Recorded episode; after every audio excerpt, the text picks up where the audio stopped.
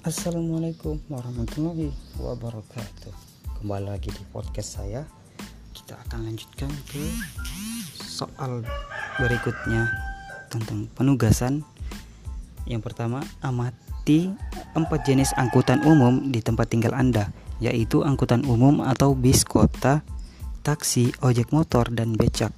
Perkirakan dan urutkan jenis angkutan mana yang jumlahnya paling banyak Hingga paling sedikit Manakah yang paling langka? Menurut ilmu ekonomi Islam, jenis angkutan manakah yang paling langka? Nah, menurut saya, angkutan paling banyak di daerah saya yang pertama adalah taksi, yang kedua adalah ojek motor, dan ketiga adalah bis kota, dan yang terakhir becak. Sedangkan becak tidak ada di daerah saya. Hal ini terjadi karena semakin berkembangnya zaman dan teknologi, teknologi Angkutan umum yang digunakan juga semakin berkembang dan karena kecenderungan dari masing-masing individu lebih banyak menginginkan transportasi yang lebih praktis atau mudah didapatkan terutama ojek motor dan taksi.